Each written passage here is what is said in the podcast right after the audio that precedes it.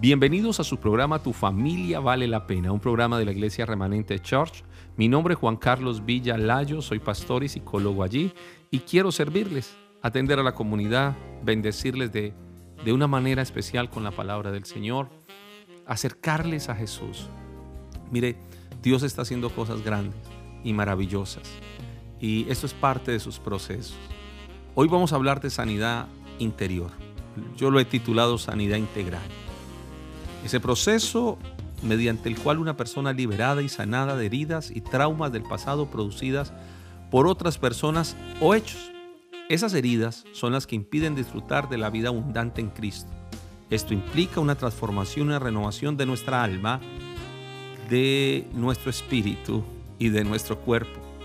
Tendremos que trabajar también la voluntad y las emociones por medio de la palabra de Dios y de su espíritu. Cuando alguien conoce a Jesús como su Salvador personal, viene a ser un hijo de Dios lavado con su sangre preciosa. Y sabemos que si muere va directamente al cielo. Este hecho no significa que el creyente no tenga circunstancias o procesos en su vida que vivir. Es más, yo no le puedo prometer a usted un evangelio donde no hay tropiezos. Al contrario, el Evangelio o la palabra del Señor dice que imposible es que no vengan tropiezos, más hay de aquel que vinieran esos tropiezos. Hay creyentes que tienen muchas ataduras del pasado, tales como heridas, amarguras y complejos. La primera pregunta que viene a la mente es por qué si somos creyentes aún arrastramos, arrastramos con cosas del pasado.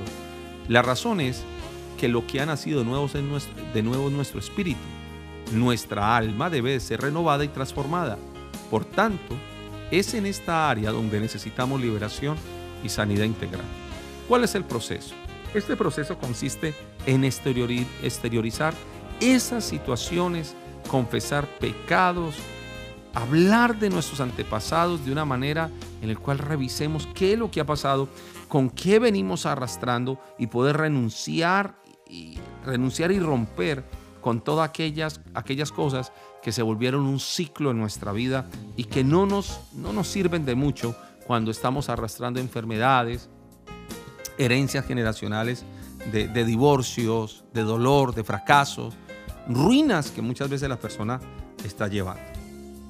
Ahora, lo más, lo más delicado es que las personas heridas hieren a las demás de forma natural. La falta de perdón es una puerta abierta al enemigo para destruir nuestra vida espiritual, emocional y física. Ahora, recordemos que el hombre es un ser espiritual que tiene un alma y que vive dentro de un cuerpo. Y cada una de esas partes necesita ser tratada, revisada, exteriorizada, ministrada, porque hay áreas de nuestra vida, tal vez en nuestro espíritu, al ser renovados, al, al nacer de nuevo, pues no puedo hablarles de otra cosa sino de lo que el mismo salmista dijo. Crea en mí, oh Dios, un corazón limpio y renueva un espíritu recto dentro de mí.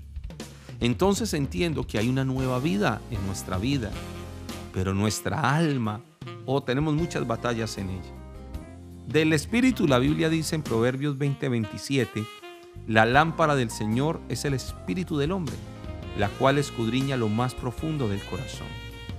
A través del Espíritu tenemos comunión con, el, Señor y tenemos convicción. Es en el Espíritu que tenemos ese testimonio interior de que somos hijos. Romanos 8 del 14 al 16 dice, porque todos los que son guiados por el Espíritu de Dios, estos son hijos de Dios, pues no haber recibido el espíritu de esclavitud para estar otra vez en temor, sino que haber recibido el espíritu de adopción por el cual clamamos Abba Padre o yo tengo Padre. Y el Espíritu mismo da testimonio a nuestro espíritu que somos hijos de Dios. También está nuestra parte consciente o la conciencia. Es más, la palabra llega a decir que si nuestra conciencia no nos reprendiera, mayor que nuestra conciencia es Dios. Quien da testimonio de esto, según el apóstol Pablo, es Cristo. La verdad dice, y el Espíritu también da ese testimonio. En Romanos 9.1 dice, verdad digo en Cristo y no miento. Y mi conciencia da testimonio en el Espíritu. Pero aquí tenemos algo que trabajar más fuerte, que tiene que ver el alma, que es el asiento de la voluntad, de las emociones, la mente. Esta es la parte del creyente que no nace de nuevo, sino que tiene que ser transformada. En Santiago 1.22 dice la Biblia, pero sea hacedores de la palabra y no tan solo oidores, engañándoos a, a nosotros mismos. ¿Cuáles son las características del alma? Es comparada con un asno, la cual es desobediente, testaruda, voluntariosa, egoísta, jactanciosa, ególatra, insegura, ruda, exhibicionista, rebelde, orgullosa y arrogante. El alma debe de estar bajo el control del espíritu renovado en Cristo. Ahora, hay un área del alma en la cual necesitamos trabajar mucho, de la voluntad. Alguien me preguntó cuál era el área del alma que pecaba. El área del alma que peca es la voluntad. Es la faceta de una persona donde reside la capacidad de decidir, esa es la voluntad. El ser humano es libre de escoger entre el bien y el mal. La voluntad es la fuerza que abre y cierra todo acto de elección en nuestra vida incluyendo pensamiento, las pasiones y las emociones. La voluntad trabaja en conjunto con las emociones y la mente. ¿Cómo rendimos nuestra voluntad? Uno, yo renuncio a hacer mi propia voluntad. Aprendo a despojarme de aquello que no me construye, sino que me destruye. La Biblia dice en Efesios 4:22, en cuanto a la pasada manera de vivir, despojados del viejo hombre que está viciado conforme a los deseos engañosos y renovados en el espíritu de vuestra mente y vestidos del hombre de Dios, del hombre nuevo, creado según Dios en justicia y santidad de la verdad. Ahora tenemos que aprender a pedirle al Señor que quite de nuestra vida y aprender a despojarnos también o renunciar en nuestra vida a todo aquello que no nos edifica. Y eso tiene que ver escúcheme esto, con la voluntad. Usted mismo tiene que tomar la, la decisión. En Efesios 4:31 dice la palabra, quítese de vosotros toda amargura, quítese todo enojo, toda ira, gritería, toda maledicencia y toda malicia. En otras palabras, haga morir lo que hoy le está haciendo daño.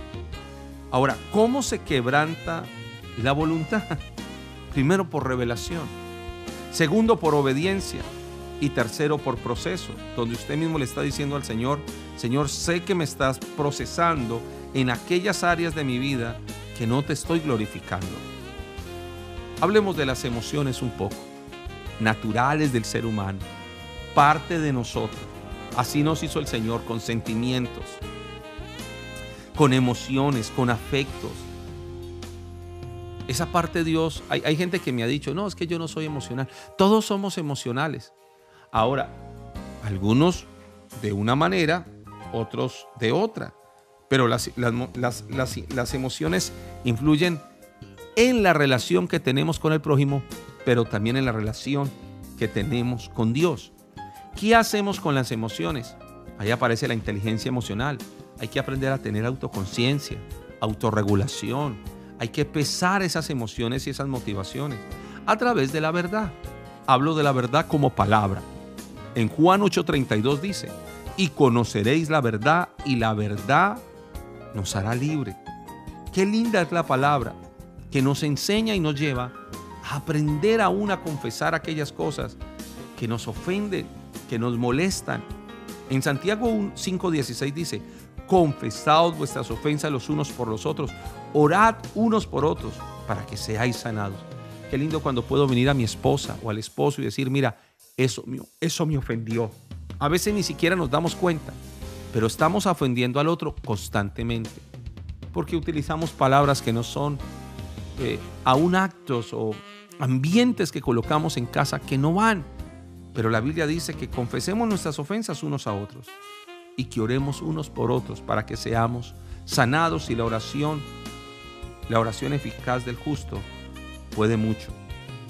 En la parte emocional a veces nos arraigamos en el dolor y no queremos perdonar. Pero sabe algo, el perdón te beneficia abundantemente. En Marcos 11:25 dice, cuando estáis orando, perdonad si tenéis algo contra alguno, para que también vuestro Padre que está en los cielos os perdone a vosotros vuestras ofensas. Esto de las emociones lo podemos ir mejorando a través del carácter de Cristo en nosotros. Nos ayuda a desarrollar dominio propio el tener el carácter para saber qué hacer con las emociones que vienen a nuestra vida. El poder decidir no amoldar, amoldarse al mundo actual, sino transformarse mediante la renovación de su mente. Aquí necesitamos tener inteligencia emocional. Aquí necesitamos tener empatía, entender al otro, ser ese buen samaritano que ayuda al otro. Aquí en las emociones necesitamos que el Espíritu Santo nos ayude a pesar las emociones a través de la palabra. Romanos 12.2 dice, no se amolden al mundo actual, sino transformados mediante la renovación de su mente, así podrán comprobar cuál sea la buena voluntad de Dios, agradable y perfecto. Dele prioridad a Dios. Dele prioridad. Diga al Espíritu Santo, tengo emociones que a veces me ganan y a veces ni siquiera sé cómo orar. La Biblia dice en Romanos 8:26, asimismo, en nuestra debilidad el Espíritu acude a ayudarnos. No sabemos qué pedir, pero el Espíritu mismo intercede por nosotros con gemidos que no pueden expresarse con palabras.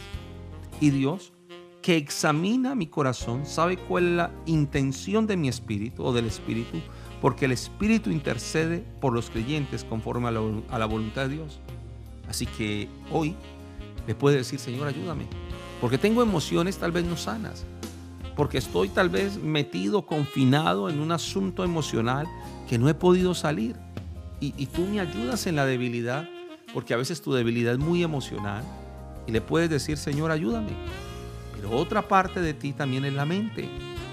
Y debes de pedirle al Señor que se renueve, porque en la mente está la capacidad de razonar, donde, donde está la habilidad realmente de escoger.